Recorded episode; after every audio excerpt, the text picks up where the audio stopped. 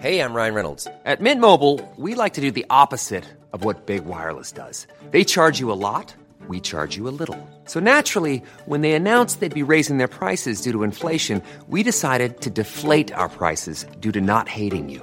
That's right. We're cutting the price of Mint Unlimited from $30 a month to just $15 a month. Give it a try at mintmobile.com slash switch. $45 upfront for three months plus taxes and fees. Promo rate for new customers for limited time. Unlimited more than 40 gigabytes per month. Slows. Full terms at mintmobile.com.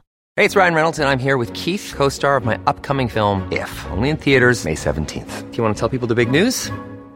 All right, I'll do it. Sign up now and you'll get unlimited for $15 a month in six months of Paramount Plus Essential Plan on us. Mintmobile.com slash switch. Upfront payment of $45 equivalent to $15 per month. Unlimited over 40 gigabytes per month. Face lower speeds. Videos at 480p. Active Mint customers by 531.24 get six months of Paramount Plus Essential Plan. Auto renews after six months. Offer ends May 31st, 2024. Separate Paramount Plus registration required. Terms and conditions apply if rated PG. Hey there, it's Michelle Norris. I'm host of a podcast called Your Mama's Kitchen. When I travel, I'm usually looking for a way to find a taste of home when I'm not at home. And one of the things I love to do when I am at home is entertain. And Airbnb allows me to do that. When I was in California recently, I rented a house that had a great kitchen. And when we were sitting around the table, we're all thinking, we're in someone else's house. Someone could be in all of our homes as well. If you have a home, but you're not always at home, you have an Airbnb. Your home might be worth more than you think. Find out how much at airbnb.com/slash host.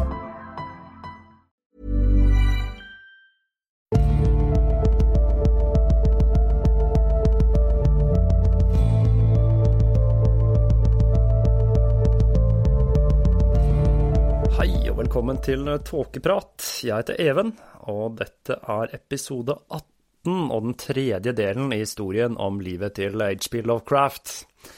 I denne episoden så skal jeg ta for meg tiden Lovecraft bodde i New York, og hans ekteskap med Sonja Haft Green.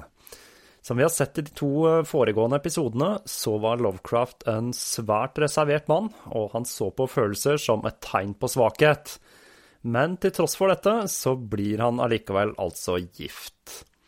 Men som vi skal se, så var dette ekteskapet langt fra noen dans på roser, og da tror jeg vi bare hopper rett inn der vi slapp sist, og plukker opp tråden i 1921, like etter hans mors død.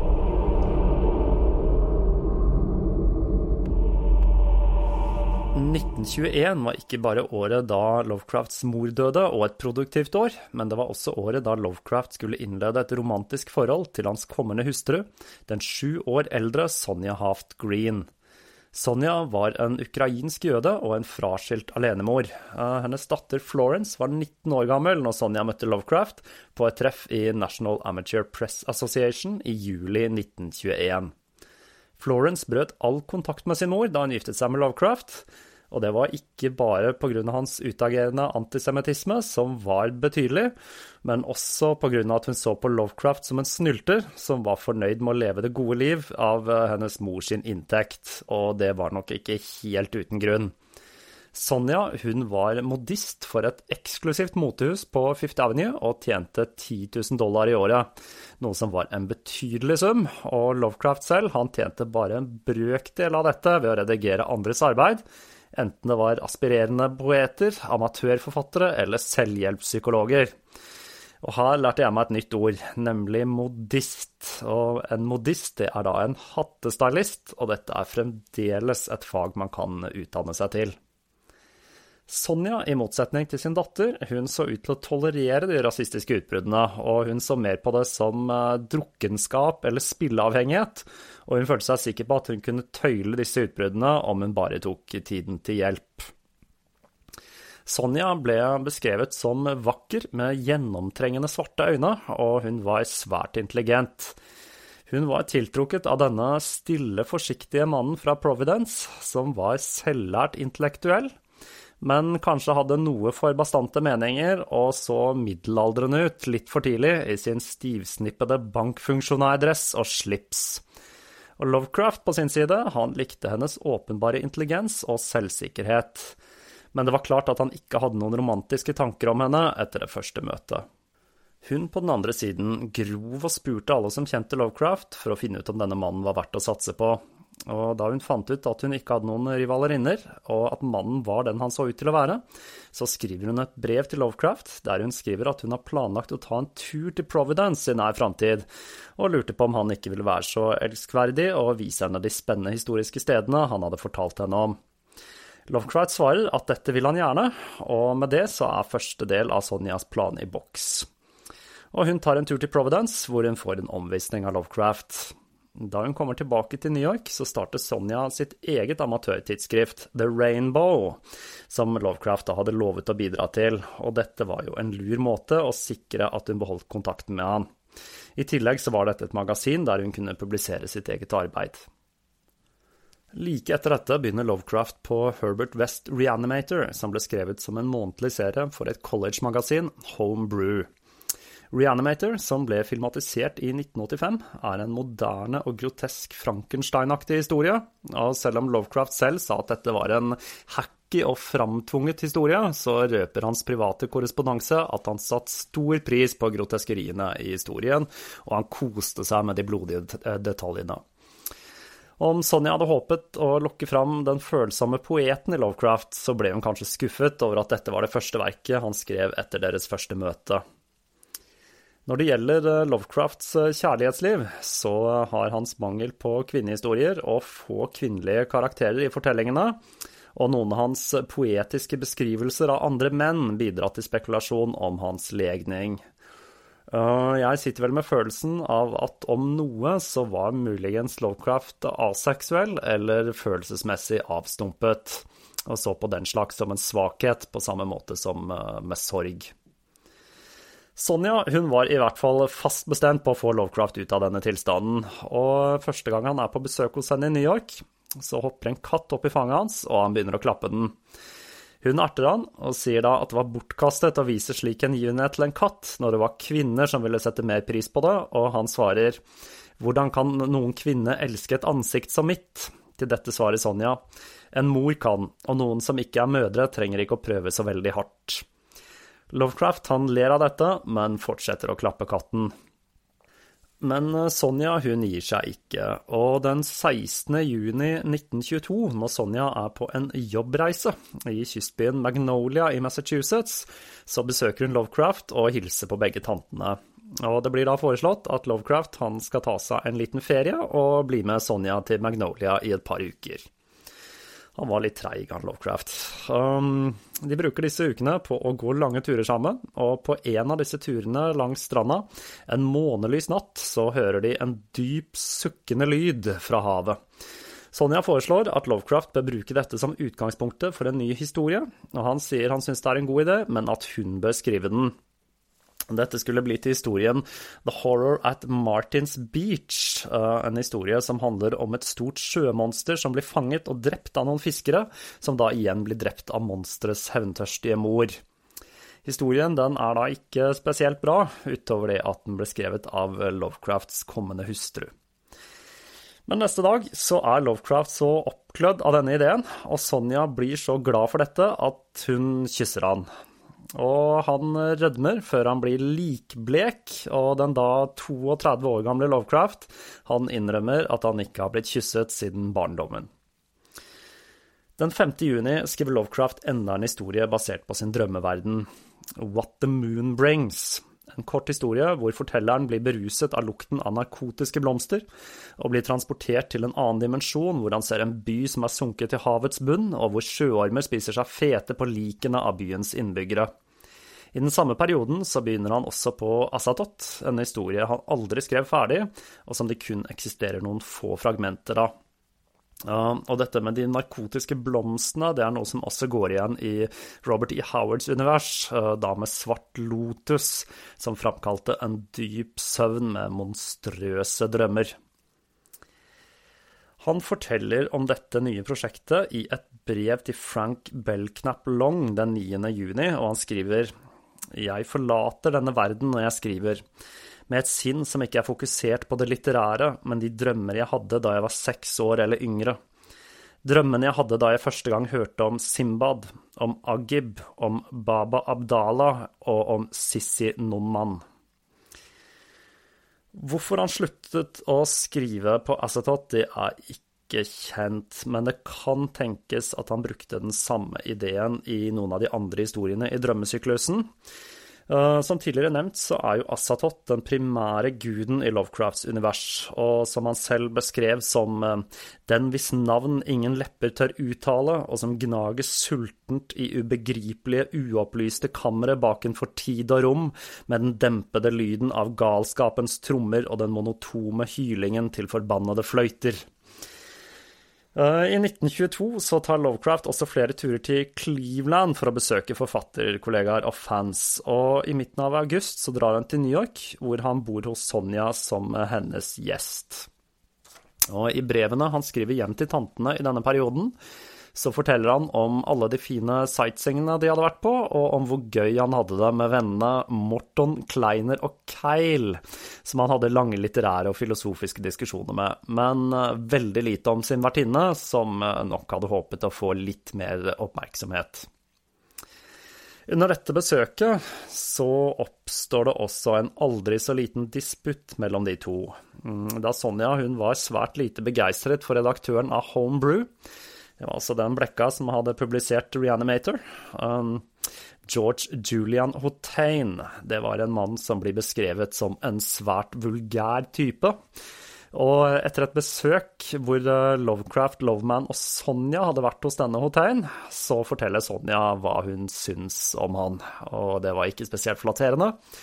Og Lovecraft han blir helt fra seg, og han uh, sier da at uh, ingen kan diktere hvem jeg skal assosiere meg med, og at eh, Hotein vil eh, ta meg imot som eh, gjest i 1128 Bedford om Miss Green skulle sparke meg ut fra 259 Parkside.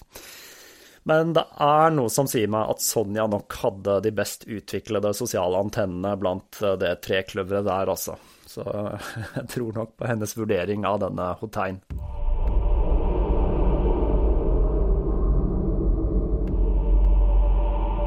Men Lovecraft han hadde andre og mer presserende ting å ta seg til. Han fortsatte med drømmeteknikkene sine.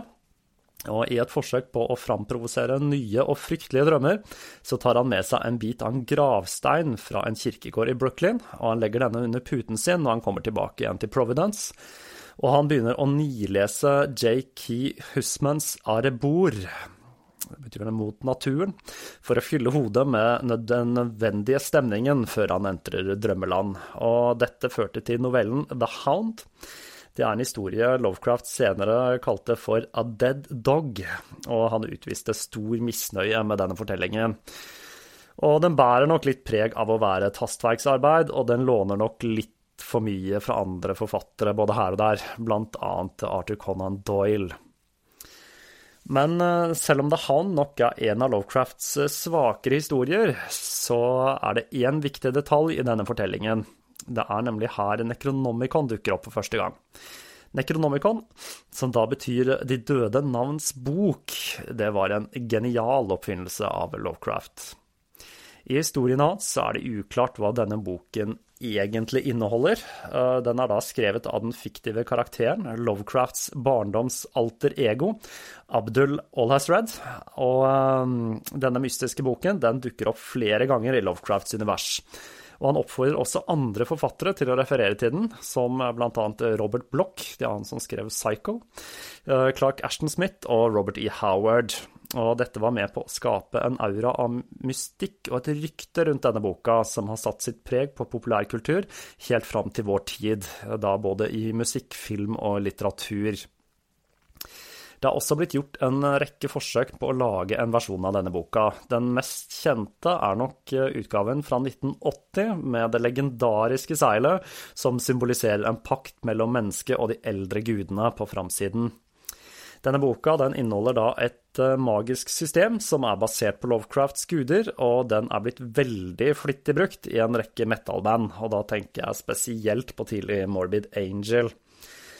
Eh, den kanskje stiligste bruken av Necronomicon i film, det syns når jeg kanskje er i Evil Dead 2, en skikkelig skikkelig kultklassiker fra 1987, som dødsmetallbandet Deicide hyller i låta Dead by Dawn fra 1990, med følgende strofer. Book of the Dead, pages bound in human flesh, feasting the beast, from the blood words were said, I am unseen, dreamt the sacred passage aloud, trapped in a dream of the Necronomicon.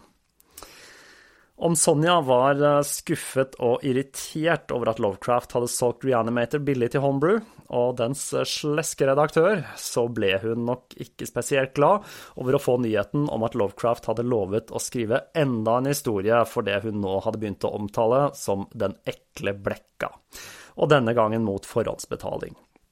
Lovecraft begynte nå å skrive The Lurking Fear for Homebrew.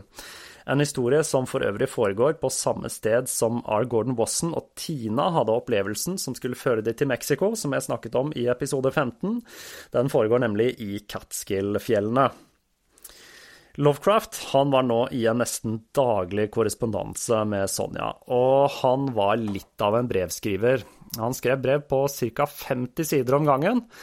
Men dette var ikke akkurat eh, kjærlighetsbrev, men lange beskrivelser av utflukter han hadde vært på, og opplevelser han hadde hatt. Men det kan jo tenkes at på Lovecrafts vis så var dette en måte å vise hengivenhet på. Og det var nå et legendarisk pulp-magasin som skal sikre HP Lovecrafts ettermæle, kommer inn i bildet. Det er da det, selvfølgelig det sagnomsuste Weird Tales, som ble opprettet i mars 1923 av businessmannen Jacob C. Hennenberger. Hennenberger han var ikke et, en fan av denne typen litteratur, men han så da en mulighet i markedet for å tjene penger på dette.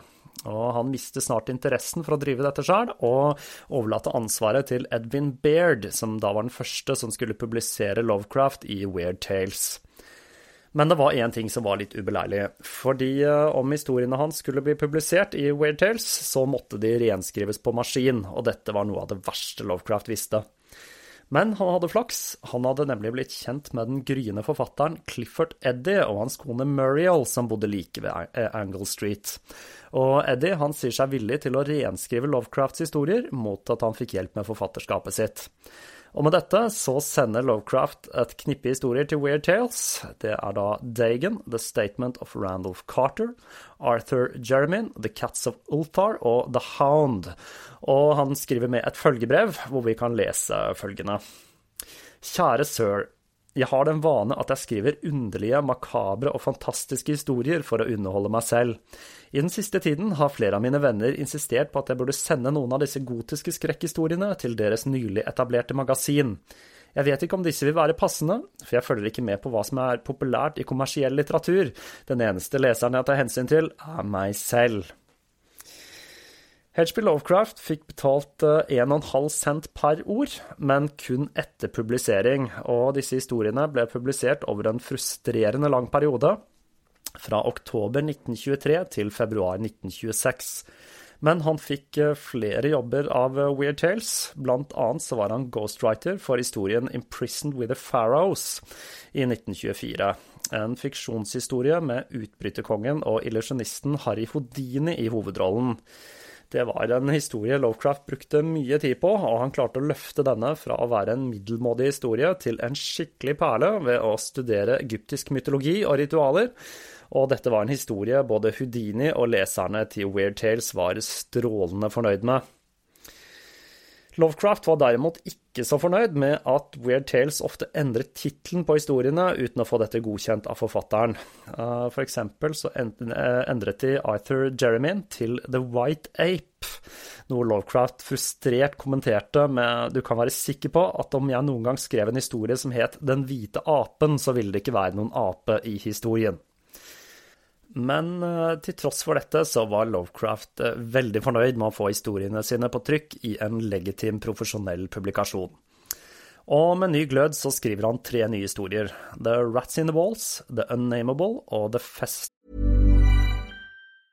Hey, I'm Ryan Reynolds. Recently, I asked Mint Mobile's legal team if big wireless companies are allowed to raise prices due to inflation. They said yes. And then when I asked if raising prices technically violates those onerous two-year contracts, they said, what the f*** are you talking about, you insane Hollywood ass?" So to recap, we're cutting the price of Mint Unlimited from $30 a month to just $15 a month. Give it a try at mintmobile.com slash switch. $45 up front for three months plus taxes and fees. Promo rate for new customers for limited time. Unlimited more than 40 gigabytes per month. Slows. Full terms at mintmobile.com. Hiring for your small business? If you're not looking for professionals on LinkedIn, you're looking in the wrong place. That's like looking for your car keys in a fish tank. LinkedIn helps you hire professionals you can't find anywhere else, even those who aren't actively searching for a new job but might be open to the perfect role. In a given month, over 70% of LinkedIn users don't even visit other leading job sites. So start looking in the right place. With LinkedIn, you can hire professionals like a professional. Post your free job on linkedin.com slash achieve today. Festival høsten 1923. The Rats in the Walls, som på mange måter er en klassisk gotisk skrekkfortelling, hvor Lovecraft framstår som en mer moderne og skarpere utgave av Poe, blir erklært som den beste historien i Weird Tales til dags dato av JC Henberger, som fremdeles godkjente bidrag når Lovecraft sendte inn denne. Det Hanberger ikke visste, var at denne historien allerede var blitt refusert av det mer prestisjetunge magasinet Argosy All Story Weekly, og at Weird Tales faktisk ikke var førstevalget til forfatteren. I The Unnamable så dukker Lovecrafts alter ego Randolph Carter opp igjen, og etter å ha skrevet denne, så begynner han på The Festival, som av mange regnes som den første installasjonen i Kutulu Mythos. Og dette er nok den første historien der Lovecraft fullstendig løsriver seg fra inspirasjonen av sine forfatterforbilder og begynner å skape sitt helt egne univers. Det er noen personer og bøker som har en tendens til å dukke opp i denne podkasten, og en av disse det er en person jeg var inne på i episoden om Gilderé, nemlig folkloristen og antropologen Margaret Murray og hennes bok The Witch Cult in Western Europe. I denne klassikeren så spekulerer Murray i ideen om at det eksisterer en gudinnedyrkende heksekult som daterer tilbake til tidenes morgen, og hennes teorier har inspirert en rekke tenkere og okkultister, blant annet da Gerald Gardner, som var mannen som startet hva som i dag er kjent som Wicca. En annen som var dypt fascinert av Murray, det var Assa Lovecraft, og han hentet inspirasjon fra henne da han skrev The Festival. Men i Lovecraft sin mørke verden så er det ikke noen gudinnedyrkende kult som har overlevd organisert religion, men innbyggerne i den fiktive byen Kingsport som fortsatt har en eldgammel tradisjon der de dyrker noe langt eldre og mørkere under kirken i byen. Den første uken i mars 1924 flytter Lovecraft til Brooklyn, og han gjør dette en, på en ukarakteristisk impulsiv måte og uten å varsle tantene sine om planen sin. Lovecraft han hadde nemlig lyst til å forsøke å leve det bohemske forfatterlivet i verdensmetropolen. Og med Sonja sin inntekt så kunne han leve det livet han var blitt vant til i Providence.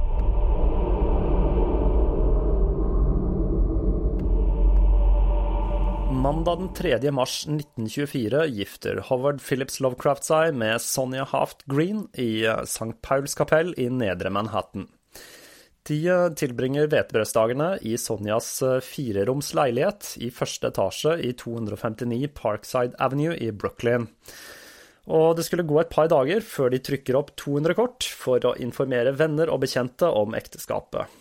Lovecraft han kviet seg veldig for å fortelle tanten om hva han hadde gjort, og han skriver et brev der han forklarer seg på en så vag måte som overhodet mulig at han hadde giftet seg. Og det går litt tid før det går opp for tante Lillian at hennes tilbaketrukne nevø hadde funnet seg en kone.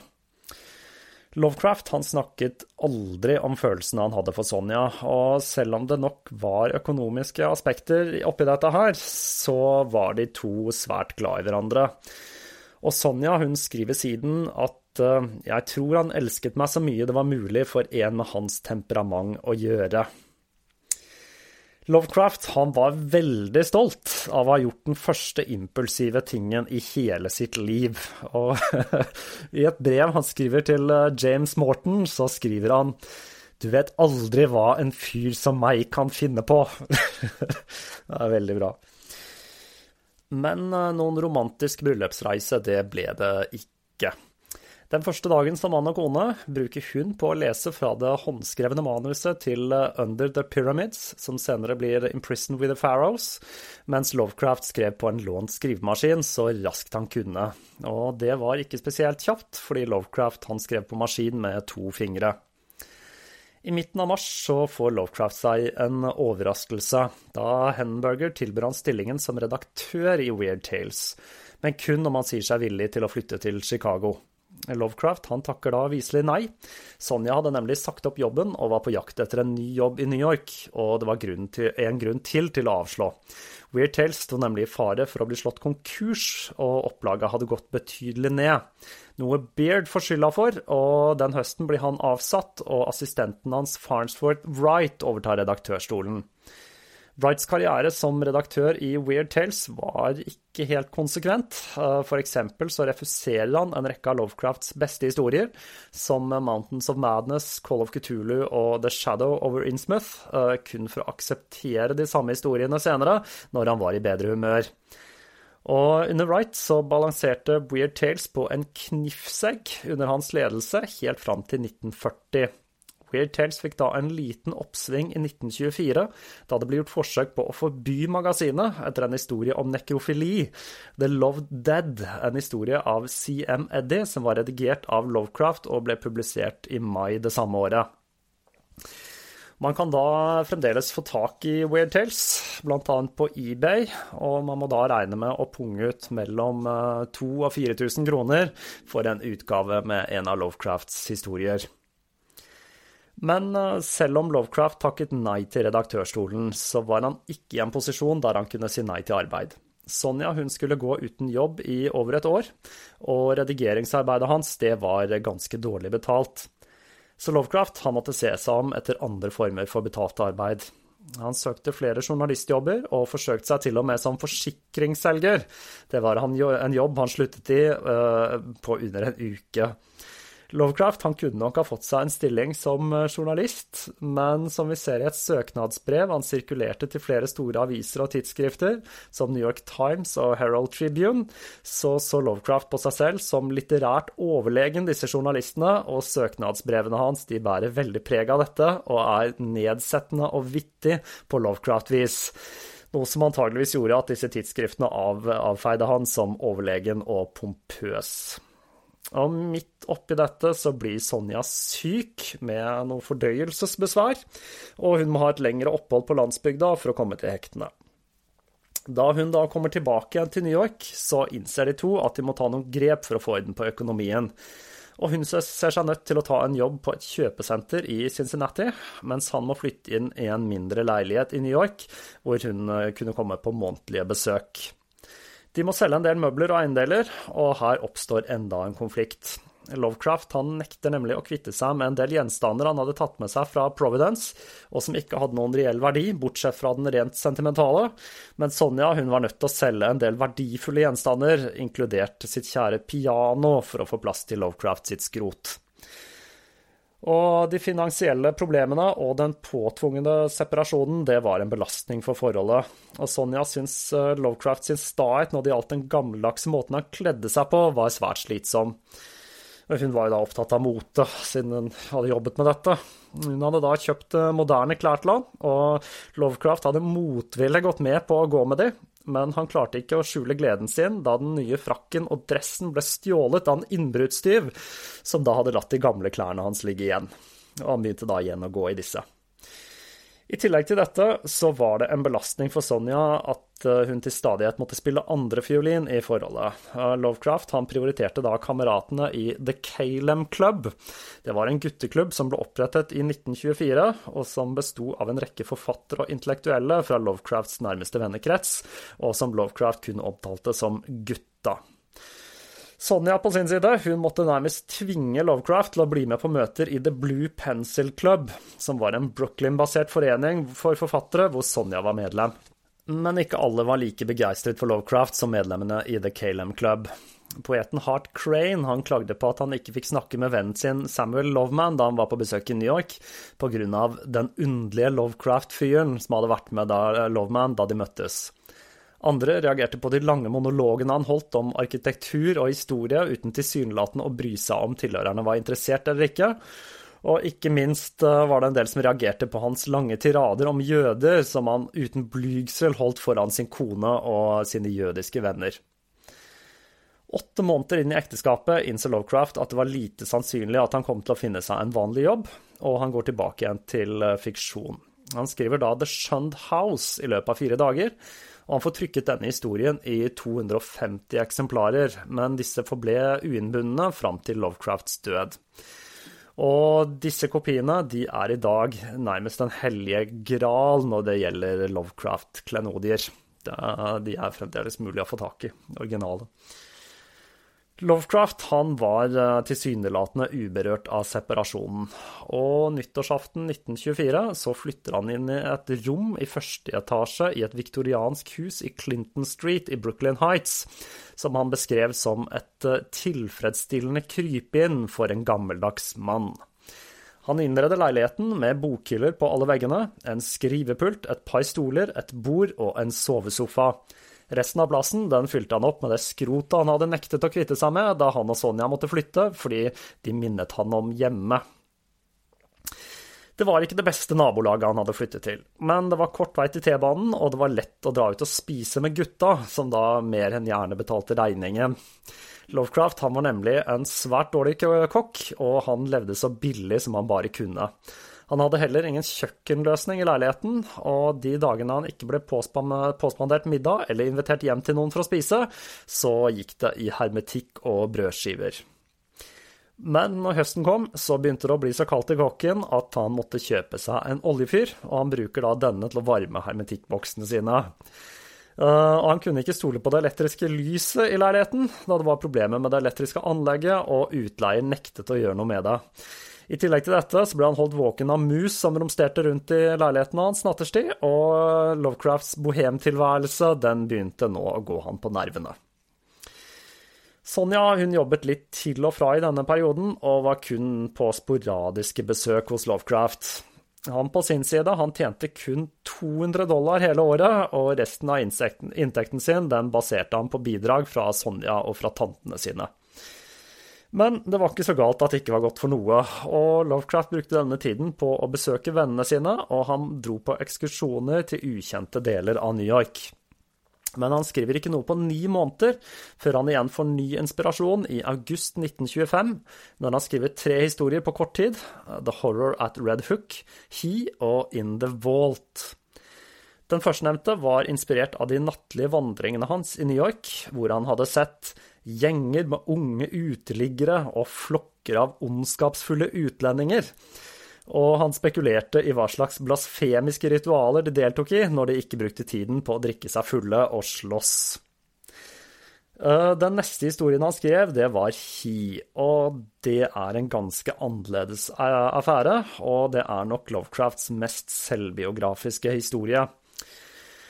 Han skriver det første og eneste utkastet til denne historien en tidlig morgen i august, etter en nattlig vandring, hvor han da sitter på en benk i Scott Park, New Jersey. Og når han er ferdig med denne, så har han bestemt seg for å forlate New York så raskt det lar seg gjøre. Og som fortelleren i He forteller, å komme til New York var en feiltagelse. Jeg kom på søken etter vidundere og inspirasjon i labyrinter av gamle gater, men istedenfor fant jeg kun en følelse av uhygge og undertrykkelse som truet med å ta kontroll, paralysere og utslette meg. Desillusjonen hadde vært gradvis. Lovecraft hadde ikke fortalt Sonja om eh, disse planene, som nok eh, hun håpet nok fremdeles at separasjonen kun var midlertidig, men gutta derimot, de visste at han ønsket en mer permanent separasjon, om ikke en direkte skilsmisse. Og de ble derfor ikke overrasket da han erklærte at han ville returnere til Providence til våren, og at han skulle reise alene. Men denne planen den ble utsatt pga. en del hendelser utenfor Lovecrafts eh, kontroll. Han kunne nemlig ikke dra uten at tantene hans hadde ønsket ham velkommen. Og han skriver en rekke brev til tantene hvor han priser Sonja for hennes stoiske måte å takle separasjonen og hennes støtte når ting hadde vært vanskelig. Han hinter da også veldig om at han ikke er lykkelig i byen, og at han kanskje burde flytte midlertidig tilbake til Providence fram til han kunne finne en permanent jobb i storbyen. Men mye kan tyde på at tantene ikke var så veldig lystne på å få Lovecraft hjem igjen. Og den økonomiske situasjonen hans den blir da enda verre. Han tar seg en jobb med å adressere konvolutter for 17 dollar i uken, en jobb han kun orket i fire dager. I september så skriver han altså In the Vault, enda en klassisk gotisk skrekkhistorie à la Poe. Og den vinteren så begynner han å skrive historien om fantastisk litteratur på oppdrag av C.V. Cook. Dette var et arbeid som skulle ta ett og et halvt år, og skulle bli til Supernatural Horror in Literature i 1927. Dette var et arbeid han satte stor pris på, og han skrev hver eneste dag som om det skulle ha vært en vanlig jobb, og han storkoser seg med dette arbeidet, og han leser mange av bøkene han skriver om, på ny. I dette verket så går han gjennom denne typen litteratur, fra greske og romerske fabler og fram til moderne mestere som Dunsany og Poe, og Supernatural Horror in Literature er fremdeles en viktig bok om denne sjangeren, og gir unik innsikt i Lovecrafts vurdering av en rekke verk og forfattere, samt Lovecrafts egen definisjon av fantastisk litteratur, eller weird fiction. Og mens tiden til Lovecraft i New York var i ferd med å renne ut, og han satt bak skrivebordet i sin mørke leilighet i Clinton Street og spiste boksemat, så var en ny fase av Lovecrafts forfatterskap i ferd med å begynne, nemlig den perioden da han skulle skrive sine aller beste verk, og som skulle markere høydepunktet i Lovecrafts karriere. En periode som ga oss fantastiske historier som The Call of Cthulhu, The Mountains of Madness og The Haunter of the Dark.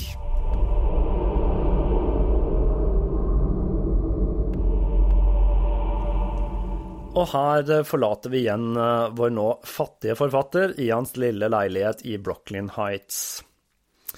Lovecrafts ekteskap med Sonja var som alt annet i hans liv preget av hans innesluttethet og underlige karakter.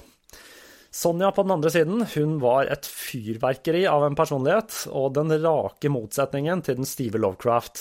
Og hadde det ikke vært for hennes iherdige forsøk på å innlede et forhold til denne snodige forfatteren, så hadde han nok forblitt ukysset fram til sin død. Sonja Haft Green hun skulle også overleve sin mann med nesten fire tiår før hennes død i 1972, og det må ha vært underlig for henne å se hvordan hennes ektemann gikk fra å være en nisjeforfatter til å bli et kulturelt ikon etter sin død. I neste, og det som nok blir siste episode av denne serien, så skal jeg altså ta for meg perioden av livet til Lovecraft, da han skriver noen av sine aller beste og minneverdige historier, fram mot sin død i 1937. Og fram til neste episode så gjenstår det bare å si på gjenhør.